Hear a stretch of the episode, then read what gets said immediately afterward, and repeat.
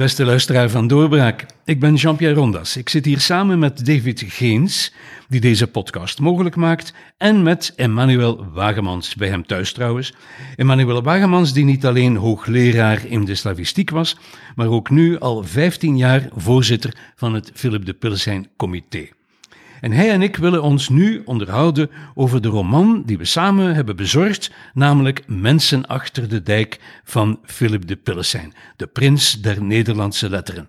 Een roman geschreven in 1947, verschillende keren herdrukt, beschouwd als het beste werk uit het hele oeuvre van de Pillesijn. En wij presenteren, wij, Manu en ik, deze roman van 1947, dus na 73 jaar, opnieuw als een zeer leesbare en pakkende roman de moeite om opnieuw uit te geven, omdat hij een confrontatie betekent voor de lezer op twee niveaus. De lezer van vandaag is een zeer aangrijpende tekst, emotioneel. En ten tweede brengt hij ons de geschiedenis van ons eigen land, de geschiedenis van het arme Vlaanderen tussen 1860 en het jaar 1900. Wel nu, dat land wordt vertegenwoordigd door het Oost-Vlaamse dorp Hamme. Hamme aan de Durme, het klassieke ellendedorp van Vlaanderen werd toen gezegd rond de eeuwwisseling. En, Manu Wagemans, met dat dorp heb jij dus een nogal nauwe band. Geboren en getogen daar, vandaar dus ook jouw voorzitterschap van het Philippe de Pillesijn Comité. En Hamme is nu eenmaal het canvas van deze roman. Met zijn touwslagerij, de zeeldraaierij, zoals ze toen zegden, met het thuisproletariaat. Enfin, ook voor jou is dat een emotionele confrontatie, veronderstel ik. Ja, inderdaad. Het, het is eigenlijk begonnen in de middelbare school. Uh, ik ben geboren in de Plezantstraat. Zeg dan nog eens. De in de Plezantstraat. Plezantstraat. What's in a name? In nummer 11. En de Philippe de Pillesijn in nummer 19. Dat is natuurlijk niet erg bescheiden. Maar ja, niet iedereen kan zeggen, in mijn straat is een grote klassieker van onze literatuur geboren. En het viel me altijd op dat op het geboortehuis van de man dat er geen enkel spoor te vinden was. Mhm. Een plaquette, een bronzen plaat of iets dergelijks. Ten tweede eh, werden wij in de middelbare school één straat verder ook niet verplicht om de pillen zijn te lezen.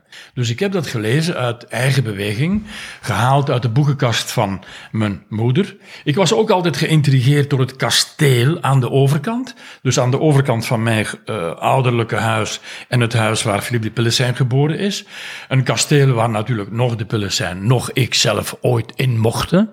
En dat altijd afgesloten was achter hoge muren, onbereikbaar en natuurlijk bewoond door Franse mensen. Hè. Franstalige mensen. Franstalige uh, burgerij van Doorselaag te Dundegijen. Enfin, dat heeft toch een beetje die fascinatie uh, aangekweekt. En in 2004 heb ik dan eigenlijk gezegd, we moeten daar eens werk van maken. En, en, en, het eerste wat je toen deed, was juist mensen achter de dijk. Precies. Want met de opbrengst van dat boek heb je de stichting kunnen financieren. Inderdaad. We hebben toen uh, het, het, lumineuze idee opgevat om mensen achter de dijk uit te geven. Maar u begrijpt, het is natuurlijk, het heeft geen zin om een naakte tekst te brengen, want die bestaat. Eh, laten we wel wezen, die bestaat in het verzameld werk, in vier delen, in twee delen, in talloze herdrukken van mensen. Maar niet bereikbaar. Maar uh, ja, wel, wel, in bibliotheken, maar uitverkocht, inderdaad. Maar ja, bibliotheken of mensen nu naar de bibliotheek gaan, dat weet ik niet. Maar we hebben dat boek mooi geïllustreerd. Mm -hmm. Door tien uh, tekeningen uh, die speciaal gemaakt zijn uh, voor deze opdracht. En dat was in 2004. Dat is een groot succes geworden. We hebben toen ook een buste geplaatst voor de pillen zijn. En dat boek, ja, dat is op... Uh, dat toen nog zijn, kop, zijn kop staat ja. in brons op een pleintje in Hamme. Voilà.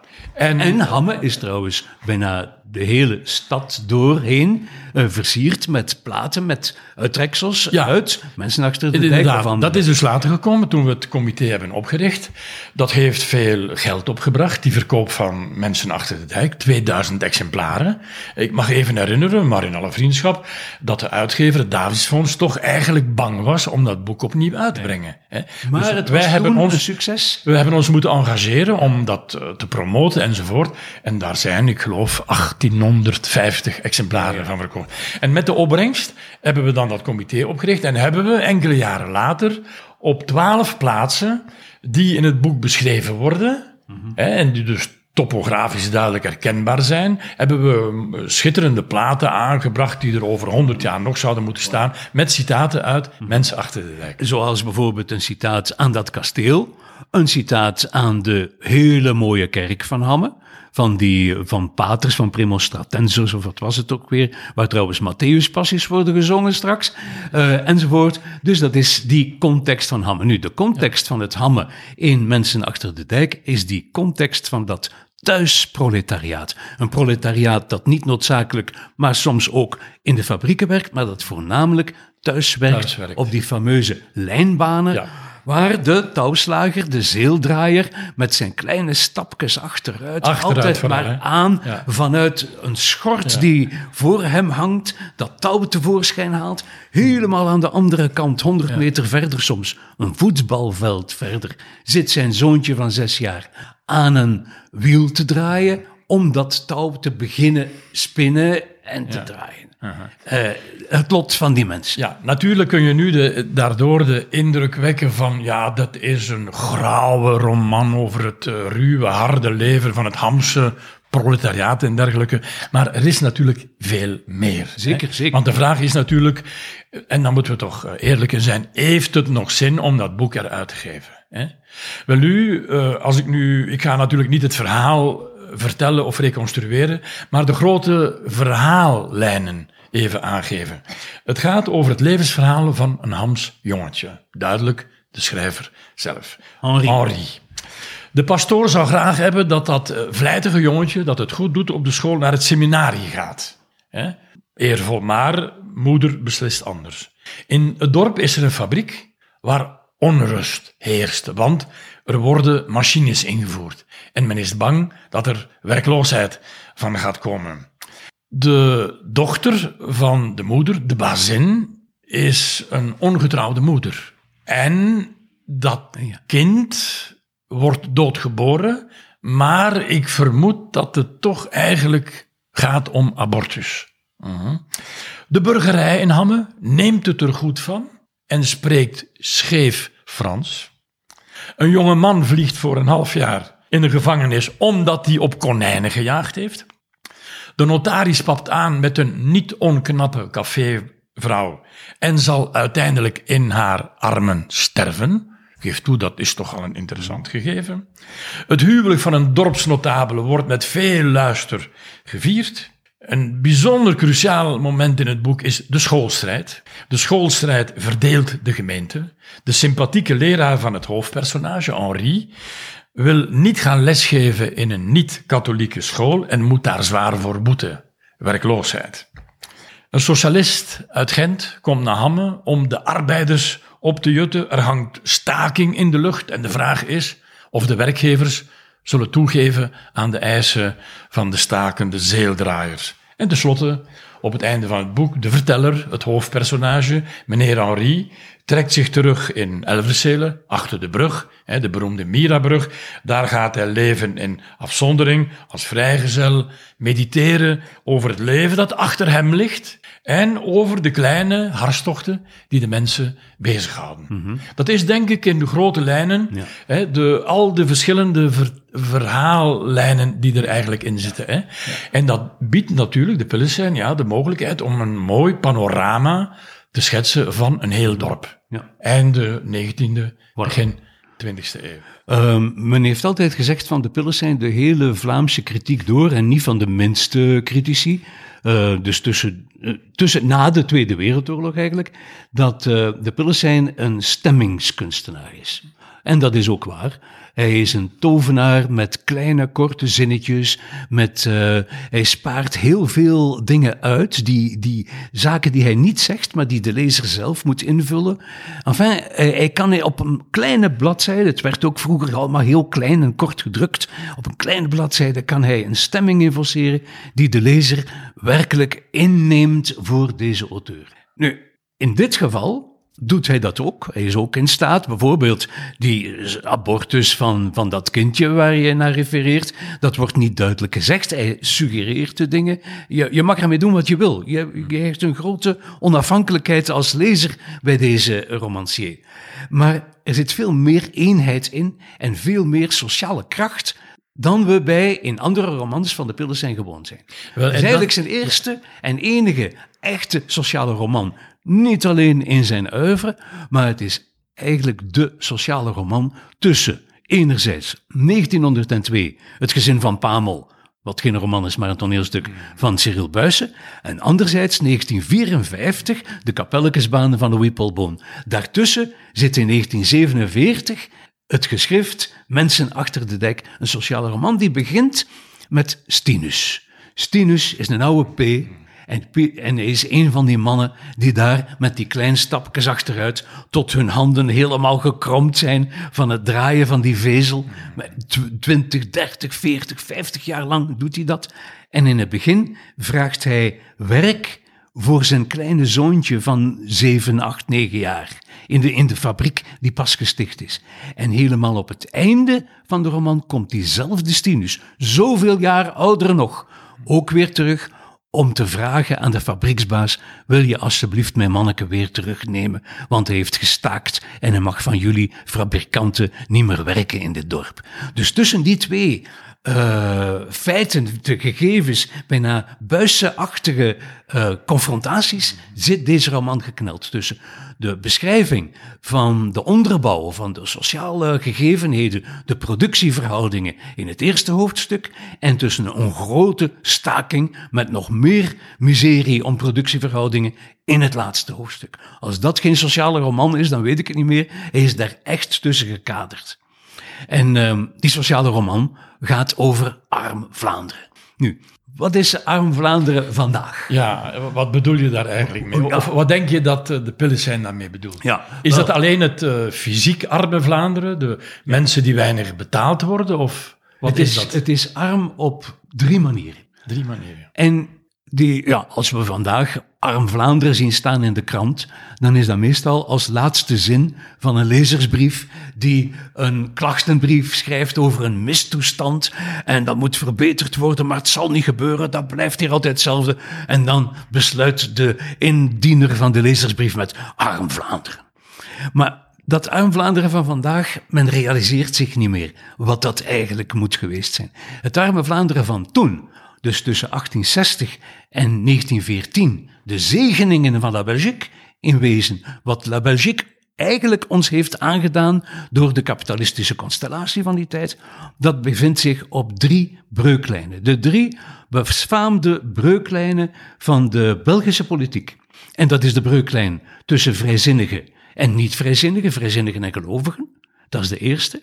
Dit is de breuklijn tussen diegenen die voor het sociale opkomen en voor de sociale redistributie van de rijkdom tegenover het kapitalisme. Dat is de tweede breuklijn. En de derde breuklijn is de communautaire breuklijn tussen niet alleen Vlamingen en Walen, maar tussen Vlamingen en hun eigen Franstalige bourgeoisie, zoals je zojuist hebt gezegd. Frans spreken. Franstalige bourgeoisie, Frans sprekende bourgeoisie, behalve tegen de meid en tegen de hond. Daar konden ze hams tegen spreken. Nou, op die drie breuklijnen, concent- ma- daar maakt hij het raster van. Voor deze roman, waar natuurlijk een hele mooie plot in zit en waar heel wat gebeurt, zoals Manu, jij zojuist hebt aangehaald. En eh, de Pillesijn zegt, ik ga mijn verhaal vertellen op een manier zoals het nog niet verteld is. Eigenlijk legt hij die woorden in de mond van een vreselijke boswachter, hè, die ook goed kan vertellen, maar het is eigenlijk het programma van de Pillesijn zelf. Hij zal een verhaal vertellen dat iedereen kent, maar dat hij op een nieuwe manier vertelt, zoals het, zodanig dat het verhaal nieuw lijkt. En die eerste breuklijn haalt hij uit een roman van Isidor Steyr- Teirlink en Raymond Steins. En die roman heet Arm Vlaanderen. Dat gaat over de schoolstrijd. En hoe gelovige onderwijzers door de klerikalen uit hun eigen scholen, uit de gemeentescholen, worden geplaagd en gepest. En echt werkelijk gepest door het hele dorp en moeten verhuizen. Hetzelfde doet zich voor in Mensen achter de dijk. De tweede breuklijn, die van het sociale, Ah, die haalt de Pillesijn uit een, uit een fameuze reportage, geschreven door een Franstalige Vlaming, in Brussel wonende Vlaming, en socialist Auguste de Winne. die bevriend is met Edward Anselen uit Gent, waar de eerste socialisten van Vlaanderen uh, zich beginnen te organiseren.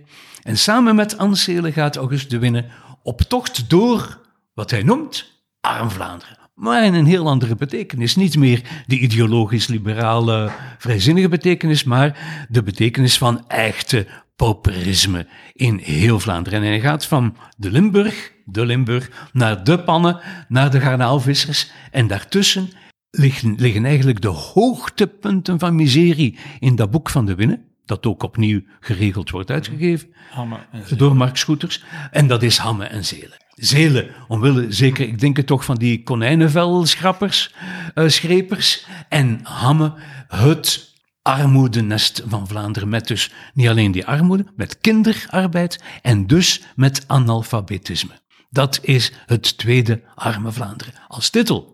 En nu kom ik, het eerste 1884, het tweede 1902. Nu kom ik tot net voor de Eerste Wereldoorlog, 1903. Is er een geweldig monument van een pater, een monument van een jezuïet. Een, een sterke man, een fanatieke man soms ook, maar iemand die het Ruusbroekgenootschap heeft opgericht, pater Strakke. En Pater Strakke heeft het ook over Arm Vlaanderen in een lezing die hij houdt voor Tante Nonnekes ergens in de buurt van Antwerpen. Eh, maar die lezing is dan gedrukt en herdrukt, Arm Vlaanderen, wat betreft cultuur, zedelijkheid, moraal. En het was inderdaad een en ander. Hè. Uh, Strakke klaagt gewoon uh, de zuiplapperij aan die hij in heel Vlaanderen ziet. Le Flamin, dat was inderdaad een scheldwoord. En het was op den duur een terecht scheldwoord. Omwille van dat bezopen pauperisme. Dat is wat hij aanklaagt. En dat is wat de Pillesijn in zijn, uh, in zijn boek voor het eerst en voor het laatst volgens mij bundelt. En die bundeling van die drie arm Vlaanderen, dat was natuurlijk de politieke inzet van die hele periode van decennia. De politieke inzet. Men zag, iedereen zag dat de armoede moest bestreden worden. Iedereen zag dat het niet juist zat met de verhoudingen in die scholen tussen vrijzinnigen en katholieken. En iedereen zag dat het met de cultuur bergaf ging. En het moest gebundeld worden. En de, het mooie symbool van die bundeling in de politiek, dat was eigenlijk uh, de drie kraaiende hanen. Camille Huismans, de socialist van Antwerpen. Uh, Frans van Kouwelaert, de christendemocraat van Antwerpen. En de liberaal Frank, ook een Antwerpenaar, die in de Eerste Wereldoorlog Antwerpen fantastisch verdedigd heeft tegenover de bezetting. En die drie gingen samen op schok door heel Vlaanderen om de vernederlandsing te vragen van de Gentse Rijksuniversiteit. Want dat volk, ja, als het zo diep gezonken was, dan moest het herreizen. Dat, eh, naar de slogan van Hugo Verist, dat volk, dat moet herreizen. En dan stelt Hugo Verist zelf de vraag, welk volk? En zijn antwoord is, dat volk. Dat volk, dat zal herreizen. En alle partijen, liberalen, socialisten en christendemocraten, daaraan mee. En dat is wat de Pillesijn ook doet. Hij, en dan besluit ik dit Arm Vlaanderen hoofdstukje. Hij is de eerste die Arm Vlaanderen fictioneel bundelt. Die drie aspecten van deze strijd. Maar, omdat, opdat er een plot zou zijn, opdat er in de roman iets zou gebeuren, moet er natuurlijk een conflict zijn. Er moet gevochten worden, er moet het strijd en woord en wederwoord zijn. En elke opstand wordt in deze roman gefnuikt. Elke elke opstand, elk verzet gaat eigenlijk ten onder aan zijn eigen tegenstrijdigheden. En de roman bestaat eigenlijk uit de beschrijving van verschillende soorten van verzet. Van uh, een anarchistisch verzet, een liefdevol verzet en tenslotte een egoïstisch verzet dat het een beetje haalt. Dat is uh, een andere manier om eigenlijk de zaak samen te vatten. Daarom is, verdient deze roman uh, een plaats in de kanon der Vlaamse letteren. Wel ja, dat is, uh, na dit pleidooi is het natuurlijk de plaats om de vraag te stellen: hoe komt het dat dan mensen achter de dijk, en met dergelijke plot en achterliggende ideologie enzovoort, dat die toch eigenlijk al enkele decennia een beetje in de vergeethoek is? Uh, geraakt. En ik heb eens op de een roman bedoelt u? De roman, ja. ja. En ik heb eens op, een, op een rijtje gezet eh, de argumenten die men inbrengt tegen mensen achter de dijk. Dus wanneer je mensen warm probeert te maken om dat boek te lezen, dan zeggen ze, uh, ja, maar jonge mensen, ja, maar de taal is te moeilijk. De stijl is te moeilijk. hè.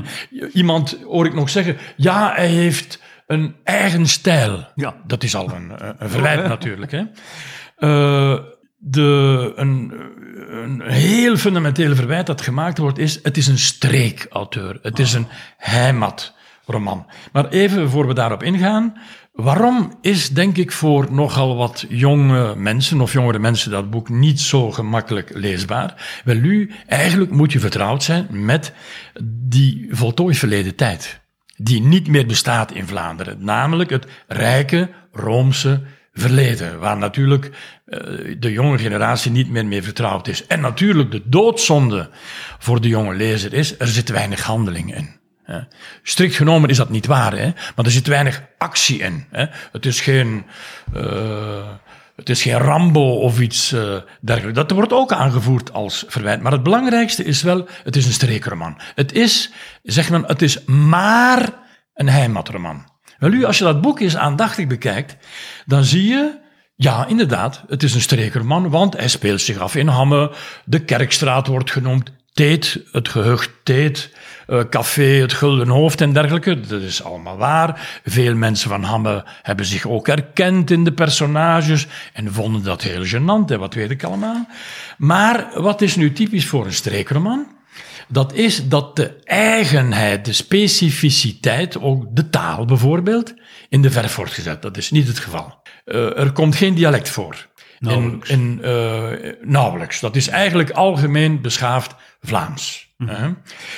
Er is in een streekroman heb je een vijand nodig. Een externe indringer. Wel nu, die is hier eigenlijk niet, tenzij misschien de machines.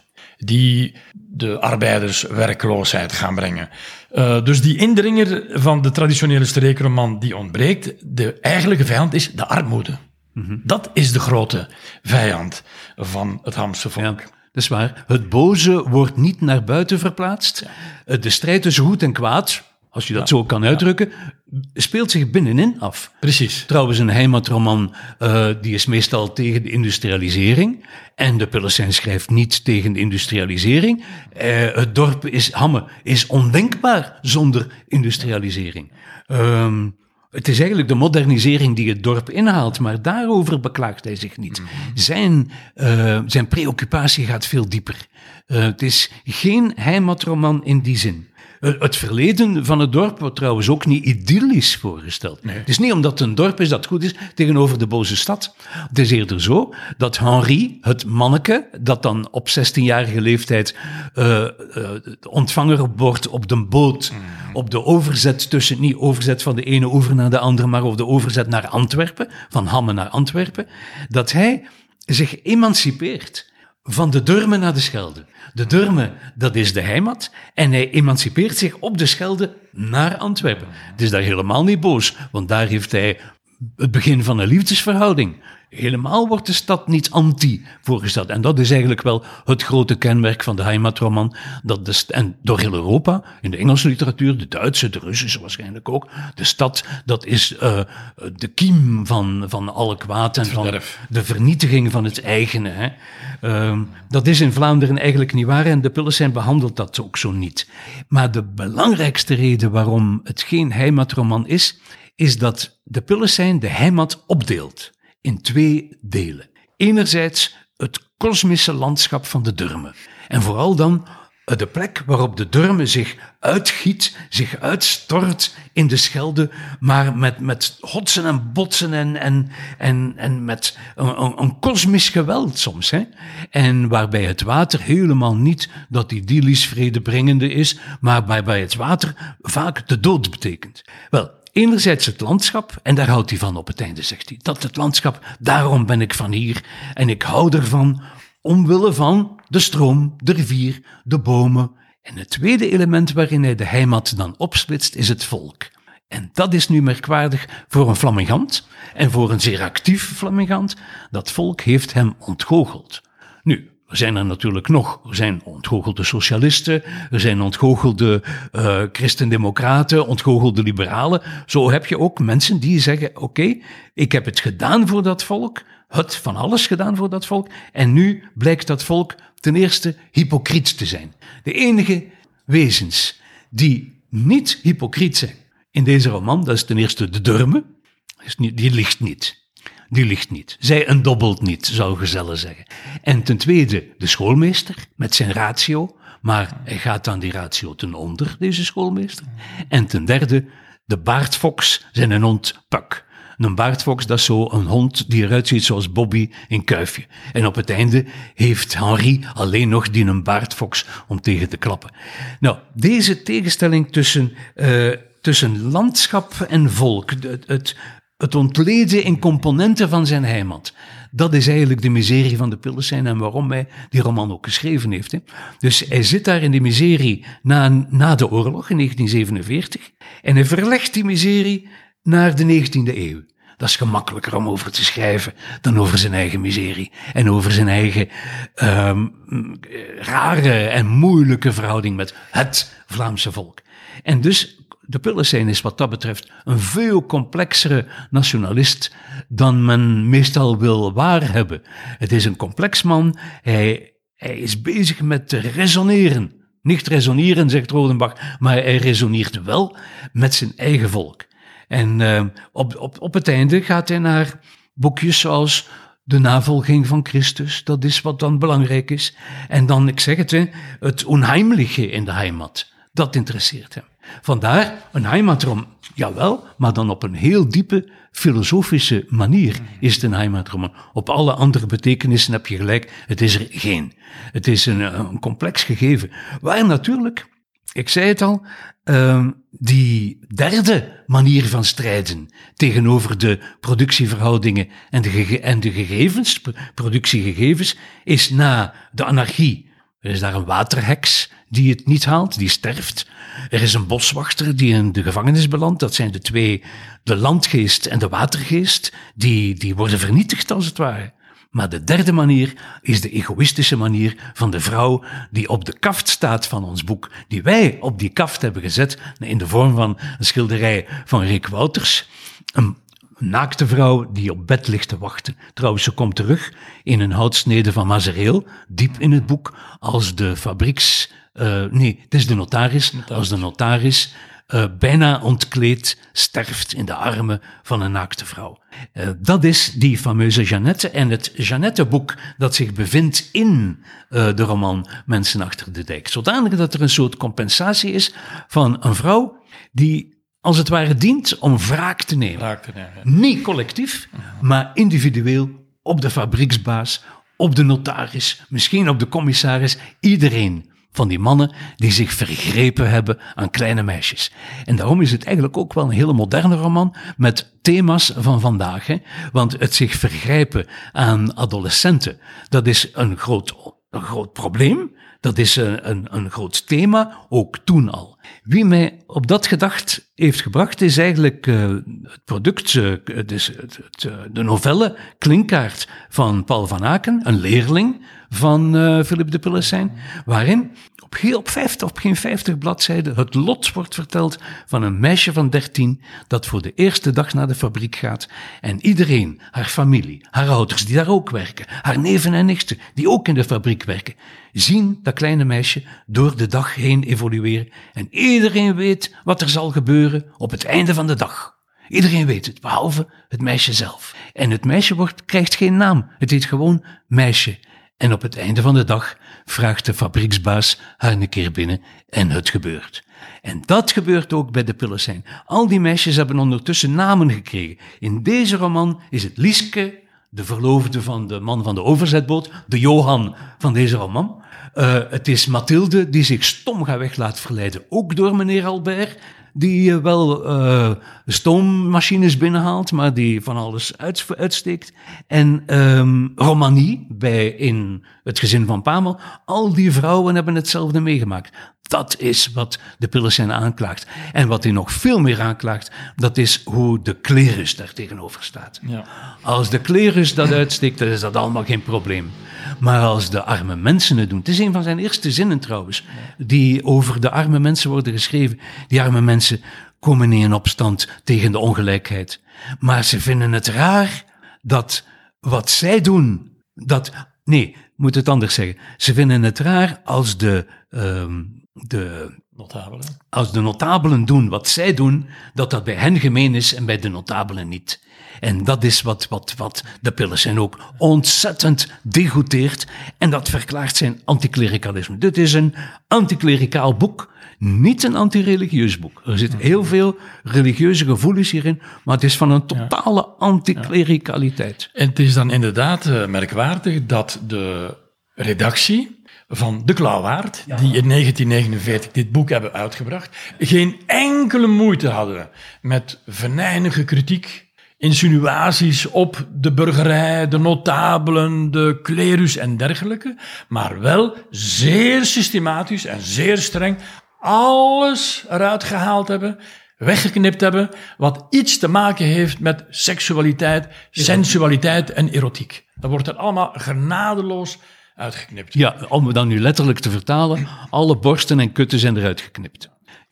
Ja. Maar dat is toch niet helemaal juist geformuleerd. Hè? Want de erotiek van de Pillesijn is wel heel braaf. Ja, eigenlijk is het een brave vent, maar het essentieel. Het, essentieel. het, argument van jonge mensen, ja, maar het is een boek dat gaat over lang, lang uh, geleden en dat is niet meer actueel. Dat heb jij natuurlijk weerlegd. Hè? Er zit eigenlijk, maar zonder dat het allemaal expliciet mm te sprake wordt gebracht, een heel actuele problematiek in. Hè? En ik denk toch, dat mogen we toch zeggen, dat het onze verdienste is dat we dit boek nu uh, voor het eerst integraal hebben gepubliceerd. Met al de gecensureerde passages.